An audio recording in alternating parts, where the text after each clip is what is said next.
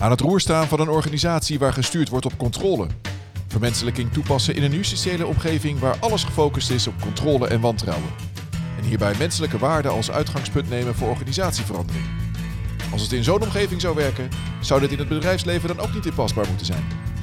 Welkom en leuk dat je luistert naar de eerste Free Minds podcast van dit jaar, waarbij Jampi in gesprek gaat met inspirerende vrijdenkers over humanizing business, de vermenselijking van organisaties. De gast vandaag is Gabriel Antonio. Gabriel is hoogleraar leiderschap, organisaties en duurzaamheid bij de Rijksuniversiteit Groningen en partner bij de Galan Groep.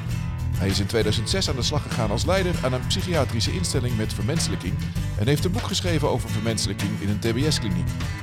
Wat kunnen we leren van deze ras-echte verteller die het verstand en bovenal het hart aanspreekt? Gabriel, welkom in onze studio in Hilversum. Dankjewel. Uh, leuk dat je er bent en fijn dat we met elkaar in gesprek gaan voor de eerste gesprek in de podcastserie over vermenselijking. En waarbij we op uh, avontuurlijke zoektocht gaan van waar gaat dit allemaal over? En uh, wat schiet je ermee op? Hè? Andere dingen die we gaan bekijken is wat betekent dit voor leiderschap? Is het juist soft of is het juist veel effectiever um, en impactvoller? Is er sprake in het bedrijfsleven van ontmenselijking? Hè? Is dat een beetje zwaar woord? Uh, of is dat, uh, valt het wel mee? Uh, nou, als het gaat over vermenselijking komen er thema's aan als uh, verbindend leiderschap en zo. En ik hoor vaak niemand tegen verbinden of tegen kwetsbaarheid en werken vanuit vertrouwen. maar doen we dat nu echt? Of zijn er nog stappen te gaan? Allemaal thema's, allemaal dingen die we kunnen aanraken in dit gesprek en ook in de hele serie. Ik vind het leuk om speciaal ook met jou daar te kunnen over praten. Uh, mede omdat we uh, dit jaar in juni samen met elkaar uh, een, een, seminar, een opleiding gaan houden over leiderschap wat nu nodig is in deze tijd. dus ik ben heel verheugd dat ik met jou in gesprek kan. Dat is wederzijds, dankjewel. Ja, dankjewel. Nou, laten we toch even beginnen voordat we in de inhoud duiken bij de mens. Gabriel. Gabriel Antonio. Uh, jij bent zelf ook een bevlogen leider. Uh, uh, ja, ik ken jou ook als een, een iemand die met heel veel dingen bezig is. je komt zelf uit organisaties die je hebt helpen veranderen als leider. je bent deeltijds hoogleraar. je, hebt ook, je bent auteur. heel wat, maar waar komt jouw bevlogenheid als leider, maar ook als mens vandaan? Ja, dat is een mooie vraag. Als ik terug ga naar mijn geschiedenis. Ik ben opgegroeid in een kunstenaarsgezin. En altijd met heel veel openheid en ontvankelijkheid naar het leven toe. Mhm. Eh, dus mijn ouders, als ze ergens wandelden, dan zeiden ze altijd... Kijk nou eens hoe mooi dat ritme van die bomen. Of kijk eens hoe de bomenrij een verhouding aangaat met de lucht of de zon. Dus ik ben heel erg uh, eigenlijk geschoold door mijn ouders in de opvoeding, in het kijken, in het voelen, in het waarnemen. Dus een van mijn inspiratiebronnen is het leven zelf en het leven praat terug. Mm En het tweede is, uh, mijn moeder was altijd wat ziekelijk, uh, heeft uh, vaak kanker gehad en lag veel op bed. En ik las eh, graag van die, van die heldenboeken van Ivanhoe en Arthur en koning Arthur. En, uh, en, en ik zei wel eens tegen mijn moeder, ik wil wel een hele grote, sterke reus worden later, want dan kan ik jou heel goed helpen. Mm. Um, en dat heeft mij ook wel geraakt, geïnspireerd als ik daarover nadenk. Later ben ik in een sportschool, ik heb veel judo en karate gedaan. Mm. En mijn fantasie en idee was, als ik mezelf nou heel erg goed toerust, dan kan ik iets voor anderen doen. Ja. En ik denk dat is een tweede inspiratiebron, de kwetsbaarheid van je moeder. Uh, en dat je als jong mannetje denkt, ik moet mama helpen. Daar maakte ze ook gebruik van. Dan zei ze, wil je dat krukje even verplaatsen? Nou, dan mm. kwam dat mannetje en dan was ik heel sterk. Oh, ben je sterk. En dat heb ik misschien ook al een beetje gehouden, ook in de sportschool met mijn karate. En ik, ik was daar redelijk goed in. Ik ging ook al snel lesgeven en wedstrijden doen. Dat als je jezelf goed toerust in je leiderschap, maar ook in de bagage die je hebt, dan kun je het verschil maken voor anderen. Ja, ja. mooi. En is dat meteen ja, ik vind dat wel een mooi inzicht. Uh, ik, ik, zie wel eens leiders die uh, helemaal zichzelf als uh, laatste vergeten te voeden of te sterken of zo. En heel dapper, stoer, van alles doen. Ja, ik zie dat inderdaad ook. En ehm, in mijn ontwikkeling en in mijn nadenken over leiderschap ehm, denk ik altijd aan drie cirkels. En de eerste cirkel is hoe geef je leiding aan jezelf? Mhm. Ehm, en ik vraag ook wel eens aan, aan collega-bestuurders of aan hoogleraren of aan anderen, hoe sta je s'morgens op? Wat is het eerste gesprek wat je met jezelf hebt? Mhm. En ik ben helemaal niet van de chakra-beweging om, om naast je bed meteen uh, juichend uh, de dag te beginnen. We moeten allemaal een beetje op gang komen. Maar de vraag is, en dat gaat over ons innerlijke gesprek. Wat is ons innerlijke gesprek? Mhm. En uh, ik zie heel veel mensen die beginnen zichzelf morgens meteen te managen. Mhm. Maar je zou jezelf ook eens kunnen helpen of inspireren met de vraag... wat is het hoogtepunt van vandaag waar ik naartoe leef? Mhm. Waar zou ik nou echt het verschil kunnen maken? Ja. Of uh, als ik nou eens wat langer stilsta bij de ontmoetingen, welke mensen wil ik nou echt vandaag eens wat extra aandacht aan besteden? Mm. Nou, gaandeweg ontwikkel je daar voor jezelf een patroon in. Uh, maar leiderschap begint met leiding geven aan jezelf. En daarna de tweede cirkel, je naaste. En daarna de derde cirkel, die werk heet. En ik zie bij veel leiders de verwaarlozing in de eerste twee cirkels. Mhm. Het leiding geven aan jezelf en soms ook zelfs hun gezin, hun relaties, hun kinderen. Mhm. Uh, waar het nodige gebeurt. Uh, en het grootste probleem daarbij ja. is uh, aandacht. Ja, dus veel mensen stappen gelijk in die derde cirkel, bam. en dat herken ja. ik ook. Ja. Ik, ik, ben gepassioneerd, ik ben gedreven. en wat mij ook heel erg helpt, wat ik zei, het leven praat terug. Ik heb Mhm. een zoon met een verstandelijke beperking en autisme. Um, en re regelmatig dan staat hij voor me en dan legt hij gewoon even de hand op mijn schouder. Hij heeft geen taalontwikkeling, we praten in gebarentaal. Toen ik het de eerste keer deed, had ik zoiets van, wat doe je nou? Mm. En ik maakte in gebarentaal duidelijk, wat, wat vraag je van me? Wat wil je? Mm. En hij keek me alleen maar glimlachend aan met twee handen op mijn schouders. En uh, alsof hij tegen mij zegt, uh, papa, er is maar één moment van invloed. Mm. Dat is nu. Dat is hier. Dat zit tussen jou en mij. En daar, daar ben je al, maar dat is nog helemaal niks. Dus wees nou niet zoveel daar, maar wees wat meer hier. Mm. En ik denk dat als wij ons uh, impact ook als leider willen vergroten. Dat betekent contact met jezelf, contact met de ander. Um, en ook vanuit de verbinding, dat woord viel even bij de introductie. Vanuit de verbinding samen co-creëren. Mm. Samen dingen realiseren. Ja. Dat is wel de sleutel in mijn denken over leiderschap. Ja, mooi. Mooi.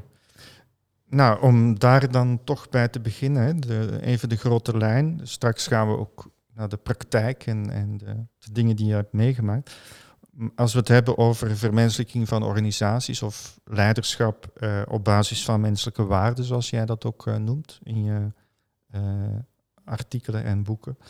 Wat is voor jou hiervan de essentie?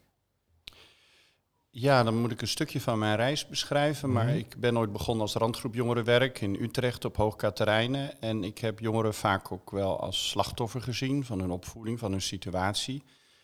Uh, ik heb jarenlang ook in de verslavingszorg gewerkt. Uh, en dan behandelen we trauma's en we probeerden uh, dingen uit het verleden recht te zetten. En dat was tot op zekere hoogte ook goed. Mm -hmm. Maar ik ben ook wel wat, wat veranderd in dat denken.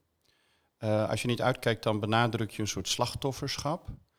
Terwijl als je goed kijkt, dan zijn het ook helden. Mm -hmm. Dan zijn het jongeren die heel veel hun tienduizenden hebben verslagen in hun leven. Uh, dat zie ik ook wel eens in het onderwijs. Dat we dan klasjes hebben met probleemjongeren. Mm -hmm. Uh, ik zou zeggen jongeren met bepaalde kenmerken of met problemen. Maar eerst jongeren. De mens is veel meer dan alleen maar dat probleem. En wat ik heb gezien is dat die categorisering, uh, ook de stempels die we soms drukken op jongeren, dat die niet helpend zijn. En zelfs vernederend kunnen zijn. Mm -hmm. En uh, al denkend, en ook aan de hand van de literatuur van bijvoorbeeld iemand als Avishai Margalit, The Decent Society, uh, ben ik op deze gedachte gekomen. Als ik echt naar de kern van mijn persoonlijke visie en missie ga. Mm -hmm. uh, ik, Gabriel Antonio, geloof dat de mens bedoeld is om rechtop te lopen. En ik wil mijn leven inzetten voor diegenen die gebogen door het leven gaan. Mm -hmm. En proberen met mijn talenten en met mijn energie en aandacht bij te dragen. En dat ze iets meer rechtop kunnen lopen. En daardoor perspectief hebben. Een ander perspectief op het leven dan voorheen. Punt. Mooi.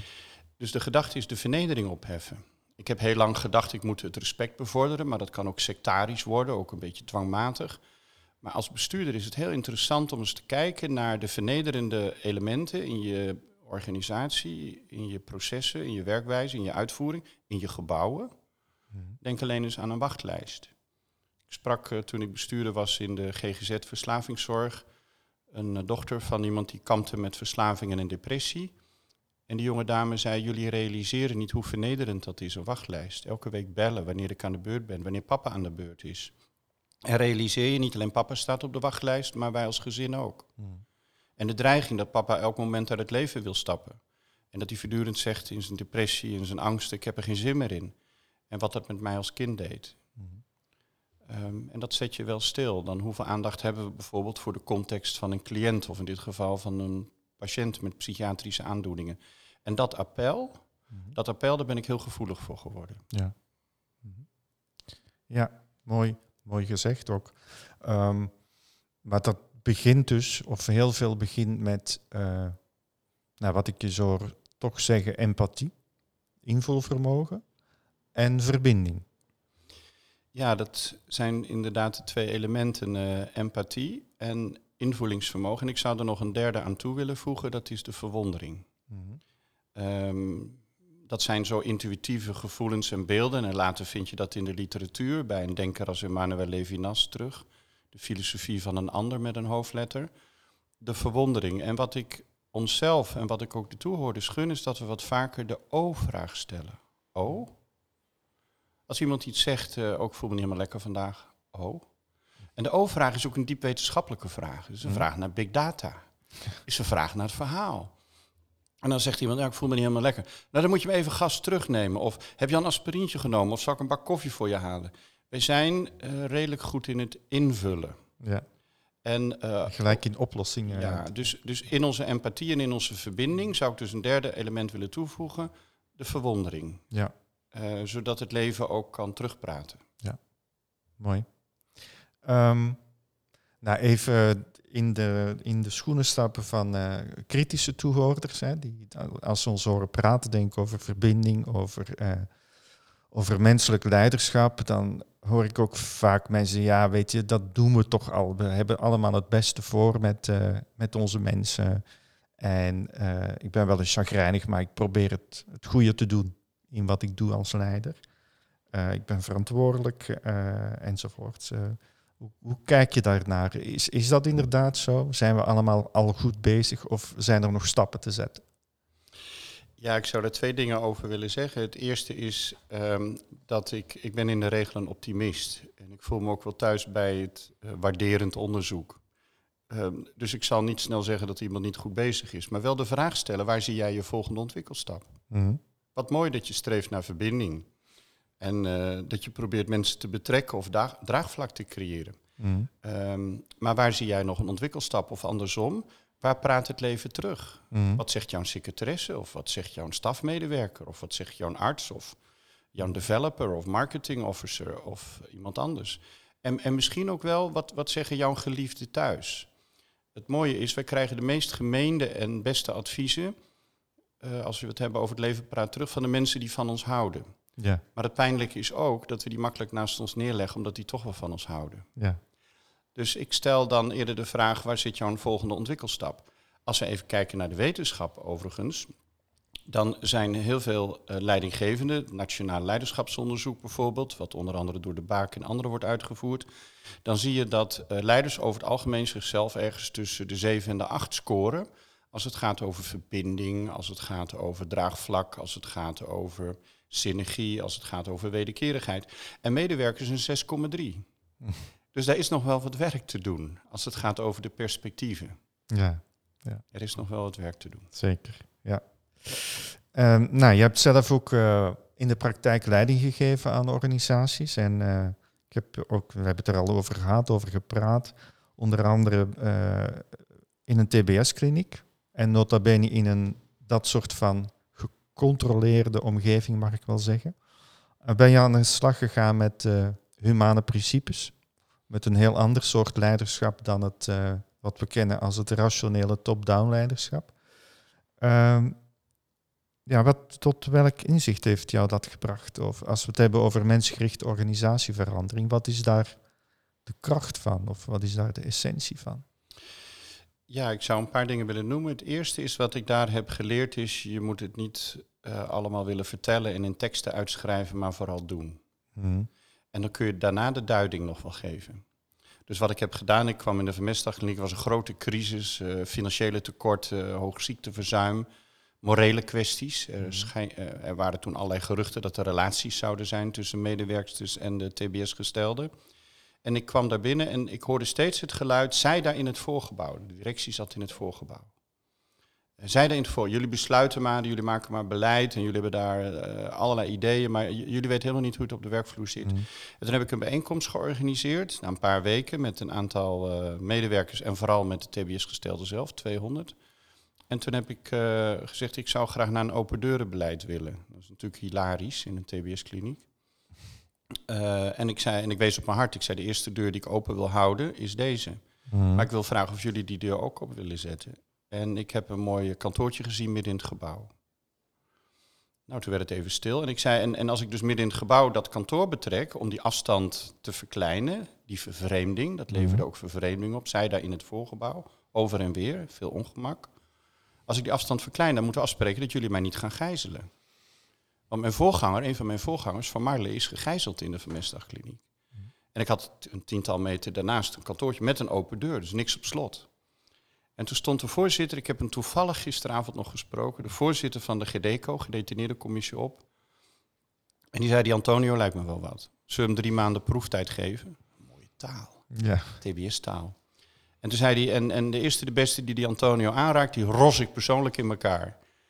En toen zei ik, eh dank je wel voor de support, maar dat gaan we niet doen. We gaan geen geweld met geweld beantwoorden, maar we gaan het goede gesprek met elkaar aan. En ik heb eh, acht jaar lang eh, Ja. een kantoor gehad, midden in de Van Mestdagkliniek, open deurenbeleid. En dat als principe, dat voordat we een besluit nemen, is er eerst contact. Mhm. En misschien voordat we überhaupt een idee hebben van een besluit, of waar het naartoe moet, gaan we eerst maar eens even kijken, wat is het probleem en wat is de vraag? En zo hebben we het veiligheidsbeleid, urinecontroles, drugsbeleid, eh, maar ook recreatie, een logeerhuis, een winkel, een kleine zorgboerderij, sportactiviteiten, de therapie, minder beveiligingspersoneel, Mhm. meer behandelingspersoneel. En, en, het, en de tweede was, we hebben de keuze gemaakt dat we eh, in een veilige setting wilden behandelen, maar niet andersom. Mhm. Ehm, dat eh, er alleen maar veiligheid is en vervolgens beheersing. Mhm. Eh, dus in een veilige setting behandelen en niet andersom.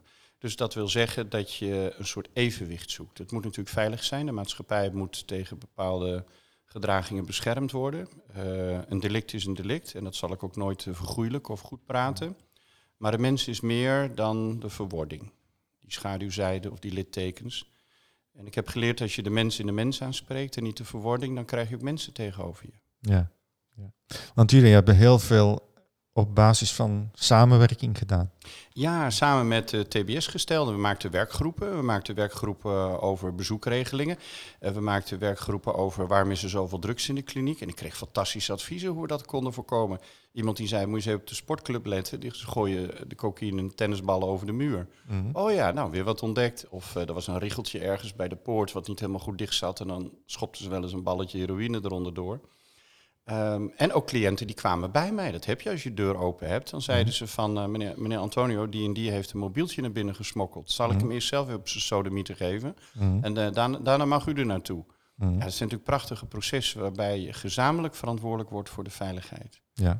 Uh, en ik herinner me nog een bezoek van Ben Korthals, om een lang verhaal kort te maken. Die kwam appeltaart eten op een van de afdelingen. Mhm. Het was een beetje knorrig. Er waren wat kamervragen gesteld over de veiligheid in de kliniek. En hij kwam appeltaart eten. En hij zou een half uur blijven, maar hij is anderhalf uur gebleven. Mhm. Gesprekken met mensen. Mhm. Hij vergat bijna dat het TBS-gestelden waren. En het is een beetje een knoeierige man, als ik dat zo mag zeggen. Dus hij ging ver over grenzen heen en hij stak in elke appeltaart zijn vork. Uh, en ik kreeg ook nog wat appeltaart in Tupperware mee. En een van de patiënten die gaf hem een hand en die stelde zich voor als de minister van Buitenlandse Zaken van Turkije.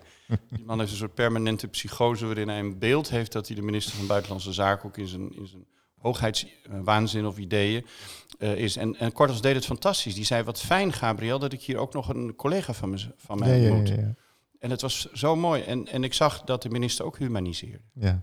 Die stapte uit zijn categorie als minister van Justitie. Uh, en die maakte contact met de TBS-gestelden. En het was die dag, daarna hadden we een persconferentie, dat de verzamelde pers tegen de minister zei: En minister, wat vindt u van de kwaliteit van zorg hier en veiligheid? Toen hadden we net een crisis achter de Ja. rug. Uh, want ik kwam precies in die crisisperiode daar te werken. En toen zei hij, was heel interessant. En toen zei hij, het zal je kind maar wezen. Mhm. Toen viel hij even stil. Hij zei, het zal je kind maar wezen die zo uit het lood raakt dat hij hier terechtkomt. Dat is Ja. een bijzonder antwoord. Ja, bijzonder. Ja. En eh, vervolgens gunde hij ons 5 miljoen gulden om, eh, om een revitaliseringsplan eh, in te zetten. Dus dat, dat werken vanuit humane waarden, dat gaat ook over bedrijfsvoering. Ja. Maar een gezonde bedrijfsvoering, laag ziekteverzuim, financiële marges, winst, ehm, dat inkomsten en uitgaven met elkaar in balans zijn, dat is de vrucht. Dat is de vrucht van een mensgerichte manier van leiderschap. En niet aan de voorkant het doel op zich, waarbij mensen geofferd worden Mhm. of vervreemden van hun werk om maar winst te maken eh, en het ziekteverzuim zogenaamd laag te krijgen. Terwijl er ondertussen heel veel onvrede en mensen ongelukkig in hun vel zitten op het werk. Ja. Dus Ook de gedachte die wij ook wel eens de filosofie noemen, people first.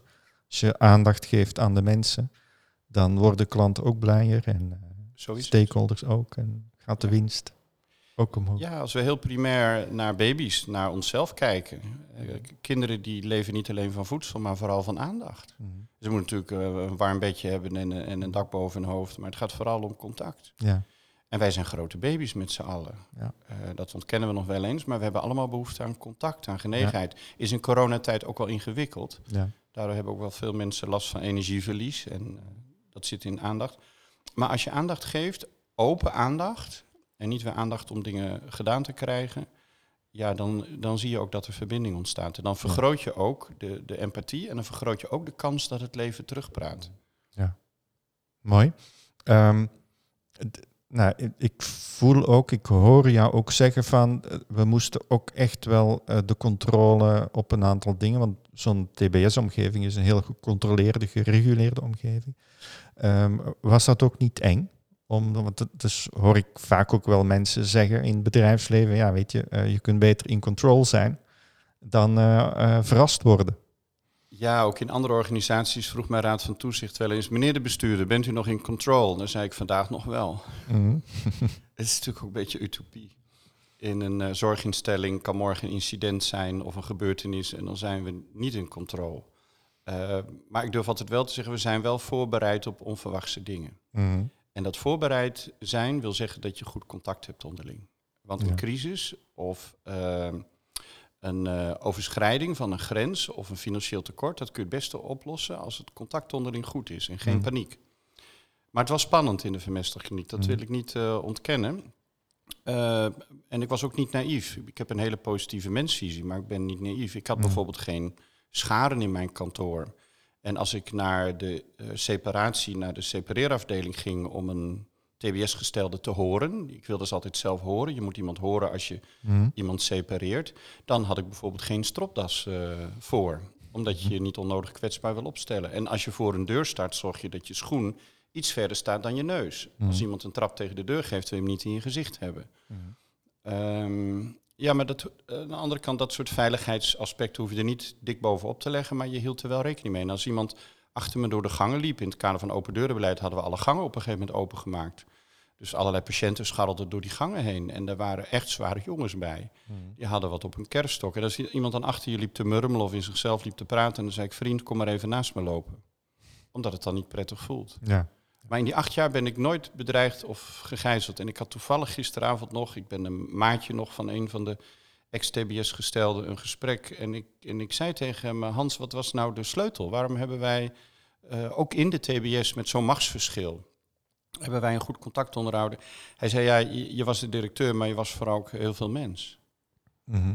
Ja. En eh, dat, dat raakte me, dat trof me diep. ja, zeker. Ja. Eh, en hij zei, je liet ons ook voelen dat het misschien ook voor een deel toeval is dat jij aan die kant eh, van de streep staat en aan die kant. En toen zei hij, weet je wat je ooit zei? Het verschil tussen ons is vijf centimeter. Ik zei, dat weet ik helemaal niet. Vijf centimeter? Waarom vijf centimeter? Hij zei, ja, dat is die dikke deur voor mijn cel.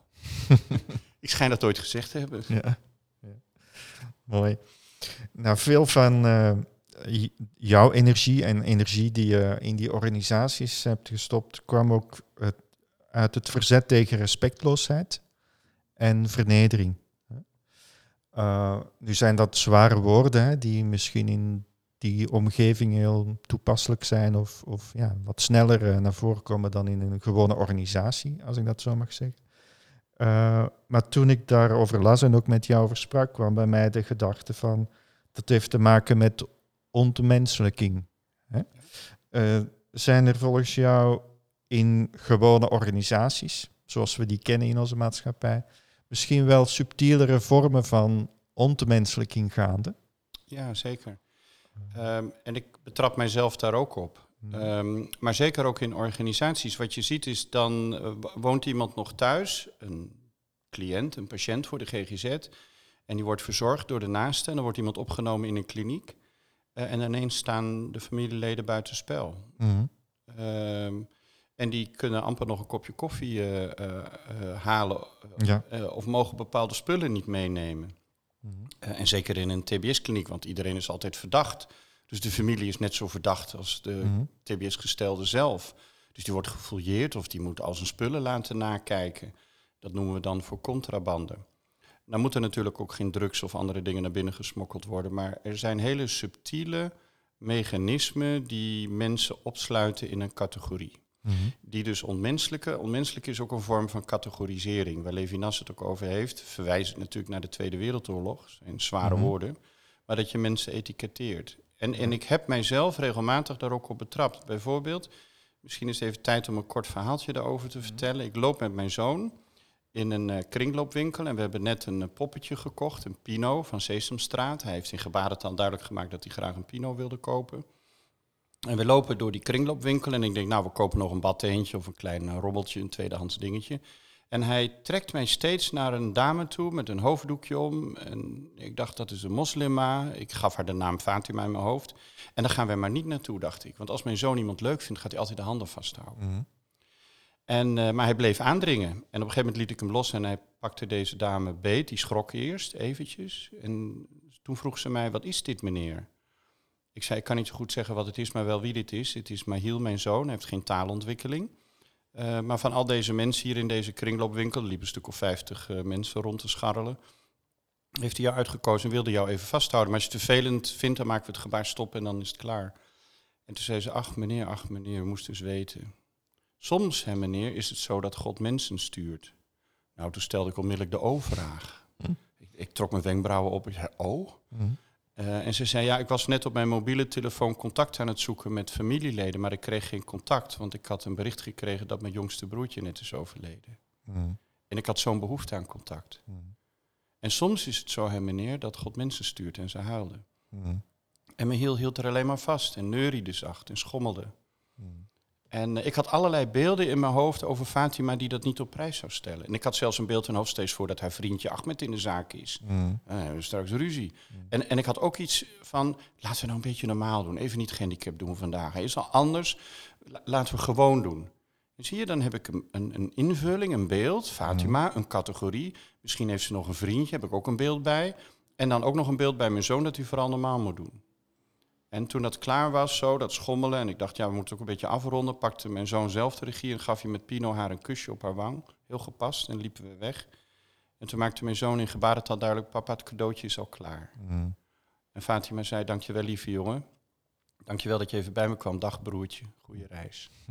Mooi. En dan denk ik, ja, wat kunnen wij heel subtiel invullen voor de ander? Mm. En in die invulling, als je niet uitkijkt, zit de vernedering. Ja. Dat we een categorie maken van iemand.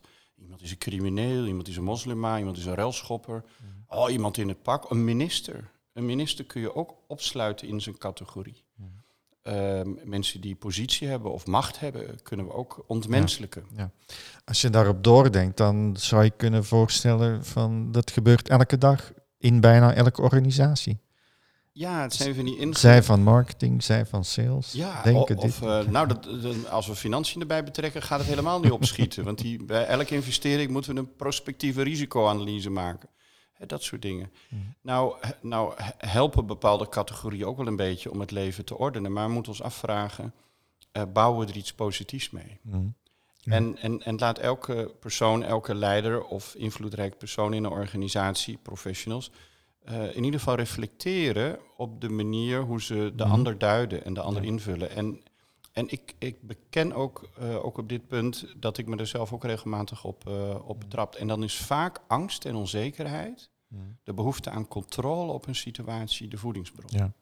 Zit dat ook niet in ons taalgebruik? Als we praten over FTE's in plaats van medewerkers. Nou, Ja. is Mensen zijn voorbeeld. categorieën en dan zeggen, ach die dokters bij ons, ah, die psychiaters, heb je ooit een normale psychiater ontmoet? Of we zeggen gewoon in een vergadering dat iemand autistisch is of narcistisch. Dat is nog niet zo lang geleden aan psychiaters en psychologen voorbehouden om zo'n diagnose te stellen. Mhm. Ehm, en ik vind het ondertussen geen leuke duidingen en grapjes meer. Mhm. Ehm, en dat je iemand van de boekhouding autistisch noemt. Mhm. Ja, ondertussen krijgen we wel allemaal onze salaris eind van de maand. Ook doordat er een aantal mensen met kenmerken zitten die dat heel nauwgezet doen. Ja. Dus ik denk dat we moeten gaan leren om wat meer in de O-stand. Oh, de Ja. verwondering en op zoek naar het verhaal. Misschien Mhm. ook het waarom van het gedrag van de ander te gaan. En wat Ja. minder mensen op te sluiten in de categorie. En dan gaat de organisatie veel meer stromen en bloeien. Mooi. Nou, we hebben het gehad over eh, leiderschap vanuit verbinding, openheid, kwetsbaarheid. Ehm, soms wordt dat wel eens weggemompeld als soft of nou ja, leuk als je dat eh, aardig vindt of zo. Ehm, waarom denk jij, want dat lees ik in alles wat ik eh, van je zie en wat ik met je praat, waarom is het uiteindelijk niet soft, maar wel beter en effectiever? Ja, dat is eh, ook door de geschiedenis heen. Het, het lot of het leven heeft mij eh, vijf keer op rij een organisatie in een diepe crisis gegund.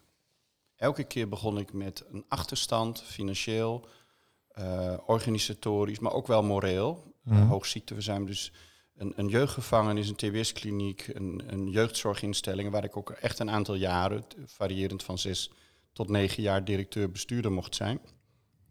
En wat ik heb gezien, is als je begint bij de menselijke maat, de menselijke verhoudingen, aandacht en zorg voor elkaar... en tegelijkertijd slim je bedrijfsvoering inricht, maar dat niet aan de voorkant neerzet... Ehm, in mijn laatste organisatie, de Verslavingszorg Noord-Nederland, begon ik met een tekort van 3, 4 miljoen. Ik moest 130 mensen ontslaan, volgens een intrimmer, een, een mooie blauwdruk. Ik heb dat rapport aan de kant gelegd. En ik ben anders gaan werken, vanuit draagvlak, vanuit werkgroepen. En ook goede ideeën laten opborrelen. En om een lang verhaal kort te maken, ik heb eh, in 2020 afscheid genomen en we zijn met 15 miljoen gegroeid, als je het hebt over de financiën. En in de zomer, ondanks corona, was er een positief resultaat van bijna 2 miljoen op een omzet van 75 miljoen. Nou gaat het in de zorg niet om marges en omzet, maar ik begon, en daarom vertel ik het, met een tekort van 3, 4 miljoen. Er zat ook nog een faillissement van een BV van 2,5 miljoen in die ik moest eh, opruimen. En als je teruggaat naar de menselijke maat, dus het openmaakt, en vooral, dat zou ik ook willen zeggen, het ontmythologiseren van leiderschap. Want ik, ik kwam binnen en toen zeiden ze, nou, en die, en, die, en weet hoe het zit, want die heeft al een paar keer dit kunstje gedaan. En het eerste wat ik zei, ik, ik, ik weet niet hoe het zit. Mhm. Want mijn intelligentie, en dat is ook wel een overschatting van sommige leiders, mijn intelligentie is niet meer dan de opgetelde intelligentie van alle medewerkers bij elkaar. Nou, als ik nou die intelligentie kan mobiliseren en die passie, dat is veel meer dan wat er in mijn hoofd en mijn hart past. En dan krijg je allerlei mooie oprispingen, eh, opwellingen van ideeën. En we hebben allerlei ideeën uitgewerkt. Bijvoorbeeld het idee dat medewerkers zeiden, zullen we allemaal een uurtje eh, loon inleveren voor een jaar? Ze noemden dat de solidariteitsuur. Ik vond het een geweldig idee. Dat hebben we gewoon gedaan. Geen beleid gemaakt, gewoon gedaan. 70% van de medewerkers. De vakbond die belde mij op een gegeven moment op. Waar bent u mee bezig? Bent u ze allemaal een uur aan het afpakken? Ik ik heb niks gedaan. Dat was een idee van de medewerkers. Andere medewerkers zeiden, we kunnen onszelf efficiënter organiseren. In plaats van 1140 uur kunnen we ook 1270 uur zorgen realiseren. En anderen zeiden, wij zijn van de training en, en, en, en, en coaching en, en cursussen. Zouden wij eindelijk eens wat meer commercieel mogen werken? We kunnen onszelf misschien ook terugverdienen.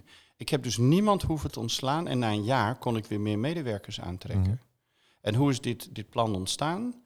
Dit plan is ontstaan door, door om te beginnen te zeggen, ik ben wel leider van een proces. Ehm, maar de antwoorden en de oplossingen, het leven praat terug, die komen voor een belangrijk deel uit de organisatie zelf. Want jullie weten veel beter dan ik, zeker als nieuwkomer, waar je nog efficiënter en slimmer kan werken en waar je ook nog kwaliteit kan toevoegen. De mens aanzet. De mens aanzet. Ja, te beginnen mooi. met jezelf. Ja. Ja. mooi. Nou, ik heb nog wat afsluitende vragen. Die kan elke gast ook eh, in deze podcastserie gaan vragen. Eh, drie zijn het er. De, de eerste eh, kan misschien ook wel eh, een beetje een samenvatting zijn, maar wat vind jij het allerbelangrijkste in persoonlijke ontwikkeling van leiders? Waar zouden we meer aandacht moeten voor hebben? Ja, als het gaat over de persoonlijke ontwikkeling, dan, ehm, heb ik het graag over twee dingen. Dat heb ik een beetje afgekeken of gereconstrueerd achteraf bij Aristoteles. Het eerste is de zoektocht naar het optimale midden. In onze passie, in onze gedrevenheid hebben we allemaal de neiging om te overdrijven. Zoek het optimale midden tussen jouw passie en dat wat de mensen om jou heen kunnen verdragen en wat ze aankunnen in hun context. Dus zoek altijd het optimale midden. Ja. Dat is in iets heel anders dan een compromis. Is iets anders dan een compromis. We gaan naar voren, maar we houden de aansluiting, we houden de verbinding. Ja. Ehm, dus, dus evenwichtigheid. Evenwichtigheid. En we zien vaak dat in allerlei lagen van organisaties er dingen misgaan door de overdrijving. Mhm. Zoek in alle dingen het optimale midden. En het tweede is dat optimale midden, die balans, die houd je ook doordat je een groep mensen om je heen hebt die het met jou menen en omgekeerd. Dat noemt Aristoteles karaktervriendschap. Ja. Dat je investeert in het proces van elkaar, de persoonlijke ontwikkeling. En ik gun bestuurders mensen om zich heen die hun voeden met gezonde tegenspraak. Die het oprecht met jou menen, die jou dus ook waarschuwen voor struikelen. Een vriend waarschuwt jou voor struikelen. Iemand die niet jouw vriend is, die denkt, nou zoek het maar uit, dan Ja. ga je maar onderuit. Val maar, ja. Ja. Dus eh, een, het, het, zoeken naar even, evenwicht en verbinding, dat gun ik iedereen. Eh, en verzamel alsjeblieft eh, verstandige, betrokken mensen om jou heen die zich ook bekommeren over jouw persoonlijke ontwikkeling. Ja, mooi. mooi. Tweede vraag. wat zouden leiders of managers voor jou meer of vaker moeten doen? Ik denk wat vaker stilstaan om daarna in beweging te komen. Ik heb zo mijn eigen hoekje thuis, waar ik regelmatig zo eens mediteer en de stilte zoek. Met wat troostliteratuur daarnaast. Dan Mhm. eh, vind ik het af en toe ook wel eens ingewikkeld. Of ben ik teleurgesteld in iets of in mezelf. En dan ga ik zo eens reflecteren en zo eens stilstaan. Stilstaan om daarna in beweging te komen. Zoals mijn zoon mij regelmatig stilzet door even de hand op mijn schouder te leggen. Ja. Dat is wat ik veel leiders gun, want we zijn soms in een situatie van een neurotische oververhitting bezig en we gaan maar door met onze e-mail en zenden, zenden in elke vergadering. En dat is een vorm van verwaarlozing, daar moeten we mee stoppen, want dat helpt niet. ja. Ook heel vaak op overtuiging gaan. Hè? Ja. Nou, en de laatste vraag, eh, Gabriel. Welk boek, film of andere bron zou je mensen willen aanbevelen? Als Ehm, voedingsbron. Ja, als boek eh, moet ik denken aan het boek eh, Zin van het Bestaan van Viktor Frankl. Mhm. Eh, een overlever van de Holocaust. die daar prachtige dingen in beschrijft. Hoe die zich niet ondergeschikt maakt aan die moeilijke situatie. Dus niet kiest voor de rol van een slachtoffer, maar voor een overlever. En ondanks die gruwelijke situatie hij het beste eruit weet te halen. En hele rijke levenslessen. Ik ga niet alles verklappen, maar de zin van het bestaan van Viktor Frankl is een prachtig inspirerend Mhm. boek als het gaat over leiderschap. En ik zou iedereen de film, er zi- er zit soms hier en daar een klein randje kitsch in, maar ik vind het echt toch een hele mooi inspirerende film van Gandhi. En met name de scène dat hij vast eh, om de moslims en de hindoes aan elkaar te verbinden. En dat doet hij geweldloos op een humane manier in zijn cirkel van invloed. Wat kan ik? Ik stop met eten. Mhm. Eh, en ik zal dat niet verklappen, maar het is een prachtige scène met een paradigmawissel. Hoe een aantal mensen die hatelijk tegenover elkaar staan, in zo'n kwetsbare situatie elkaar ontmoeten en de hand geven. Mhm. Dat is een prachtige film van het leven van Gandhi. Mooi. Nou, dankjewel Gabriel. Ik vond het een heel fijn gesprek. Ik werd er ook eh, blij van. En ik kijk uit ook naar onze samenwerking, de dingen die we samen gaan oppakken en, eh, en, en ons seminar in eh, juni. Zeer veel dank voor nu. En ik hoop dat je ook hebt kunnen zeggen wat je wilde zeggen. Ja, dankjewel dat ik eh, deze gedachten met je mocht eh, delen. En ik hoop voor de toehoorder dat het een beetje mag bijdragen om te worden wie je ten diepste bent. En ik wil tegen je zeggen, je bent het al, je mag het alleen nog worden. En neem daar de tijd voor. Het gaat je goed. Mooie woorden, dankjewel. Opgenomen in de Skylounge studio van Fresh Forward in Hilversum was dit de Free Minds podcast van Lunar Instituut. Heb je met plezier geluisterd? Deel dan je enthousiasme in je netwerk. En kom je graag in contact met andere vrijdenkers en wil je je aansluiten bij onze community of Free Minds? Check dan onze website lunarinstituut.com. Op onze website vind je ook uitgebreide informatie over onze leiderschapsprogramma's. De volgende keer is Dimitri Jogarini van Olympia te gast. Een gesprek om je naar uit te kijken. Voor nu bedankt voor het luisteren en tot de volgende maand.